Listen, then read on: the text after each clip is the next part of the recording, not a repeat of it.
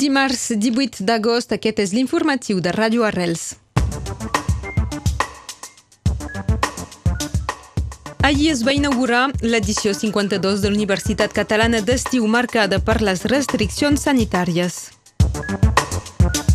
El gerent del bar-restaurant Marina Les Voile Blanche al Bar Carrés ha estat posat en guàrdia vista i obligat de tancar el seu local d'oci nocturn.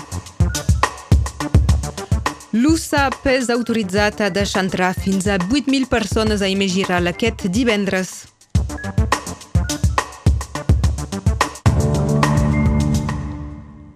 Ha mort François Gassiot, que va ser baia de Cornellà de la Ribera entre els anys 1995 i 2001. També era president dels antics combatents, tenia 82 anys i les seues exèquies seran demà dimecres a partir de les 3 i mitja de la tarda a l'església de Cornellà de la Ribera. Ahir a l'alberg Pau Casals Bairroc de Prada eh, va estar inaugurada la 52a edició de l'Universitat Catalana d'Estiu en circumstàncies molt especials perquè tots els cursos es fan en línia. Tots els ponents de l'acte inaugural han esmentat la pandèmia i han recordat el lema d'enguany Construïm el país en llibertat. Escoltem el president de l'Universitat Catalana d'Estiu, Jordi Casasses. Penso que la Universitat Catalana d'Estiu és un testimoni. Troba la seva màxima justificació en relació a aquesta situació i aquestes inquietuds. Persistim en aquestes circumstàncies per donar testimoni, ni que sigui online, de que tot i la pandèmia, seguim aquí com un grup de persones que s'entenen activament com a poble i que pretenen adreçar aquest activisme cap a la resolució dels grans problemes que tenim plantejats començant per la lluita contra les inèrcies i els conformismes. Eren les paraules de Jordi Casasses, president de l'UCEM. També es va recordar els presos i exiliats polítics i subratllar l'actitud de l'estat espanyol en contra de les llibertats de Catalunya. El programa d'avui, l'acte general i central del migdia, tractarà del Josep Espari Tico, el polític i advocat decorat per al Premi Canigó, serà en presència del Joan Talarn, president de la Diputació de Lleida, i el Jordi Sales, vicepresident de la Fundació UC. Aquesta tarda a les 5 el protagonisme serà per Irlanda, en presència de Liam Kennedy, de la Queen's University de Belfast, i Anna Arquer, de la Comissió Internacional per Ciutadans Europeus.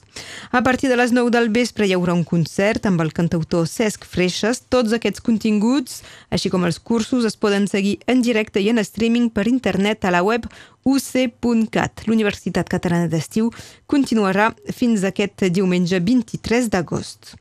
El gerent del bar musical Marina Les Voiles Blanches al bar Carrés va ser posat en guàrdia vista la nit de diumenge a dilluns i alliberat ahir a la tarda. Se l'acusa d'obrir de manera il·legal un lloc d'oci nocturn en plena prohibició per les restriccions sanitàries. L'establiment ja havia rebut diverses advertències de les autoritats.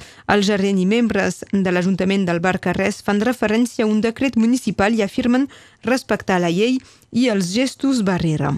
És avui que unes 3 milions de famílies amb infants d'entre 6 i 18 anys rebran la prima per la rentrada, que ha estat enguany revaloritzada amb 100 euros suplementari i passen doncs als 469 euros per nins i nines d'entre 6 i 10 anys i 490 entre els 11 i 14. A la franja d'edat de 15 a 18 anys la suma és de 503 euros amb una declaració sobre l'honor dels pares de l'escolarització dels nins a partir de 16 anys. Ahir a Barcelona es va commemorar el tercer aniversari dels atemptats de la Rambla i de Cambrils amb un balanç de 16 morts i més de 100 ferits. Va ser un acte breu, sense parlaments polítics, però en presència de representants de l'Ajuntament, la Generalitat, l'estat espanyol i, sobretot, familiars de les víctimes. Es va guardar un minut de silenci i fer una ofrena floral. Al final d'aquest acte es van deixar escoltar lemes com volem saber tota la veritat en referència a una campanya del Javier Martínez el pare d'un nen de 3 anys mort a la Rambla en els atemptats. El judici contra tres dels detinguts vius hauria de començar a finals d'aquest any. A Nova Zelanda, la primera ministra Jacinda Ardern ha anunciat aquest dilluns l'ajornament d'un mes de les eleccions legislatives. Inicialment previstes per al 19 de setembre, seran finalment el 17 d'octubre. La decisió s'ha pres conjuntament amb els seus socis de govern i l'oposició a causa dels nous positius per coronavirus, 78 casos actius a tot el país. Recordem que la setmana passada es va decidir confinar la ciutat d'Auckland per quatre casos positius de Covid-19. Passem als esports. En rugby a 15, l'USAP i la prefectura han acordat augmentar la capacitat màxima d'espectadors a Aimé Giral per al partit del 21 d'agost contra Colomier fins a 8.000 persones. Recordem que en el darrer partit, divendres passat, aquest límit era fixat a 5.000 per permetre la distanciació entre grupets de fins a 10 seguidors. En rugby a 13, Sam Tompkins i Sam Moa han estat sancionats amb un i dos partits de suspensió, respectivament per accions en el darrer partit contra Wakefield. I en futbol, una reunió extraordinària allí de la Junta Directiva del Barça en la qual es va anunciar la destitució de l'entrenador Quique Setién, que havia arribat eh, tot just al mes de gener i tenia encara dues temporades de contracte. El principal candidat a ocupar aquest lloc seria el seleccionador holandès Ronald Koeman. També s'ha anunciat unes eleccions a la presidència del club per la segona quinzena del mes de març del 2021.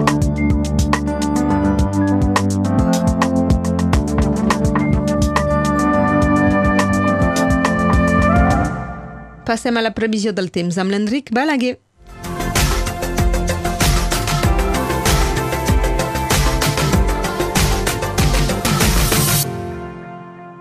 Avui se'l seré al matí amb una ampla dominació del color blau. La tramuntana és feble a moderada. La direcció dels vents és diferent a l'oest del Coll de la Perxa, vent dit d'Espanya per la Cerdanya o Carcanet, és a dir, del nord, pel Capcí. Al llarg del dia neixen i creixen núvols i no es descarta ruixats cap a la tarda al Conflent, l'Alt Vallespí o la Cerdanya.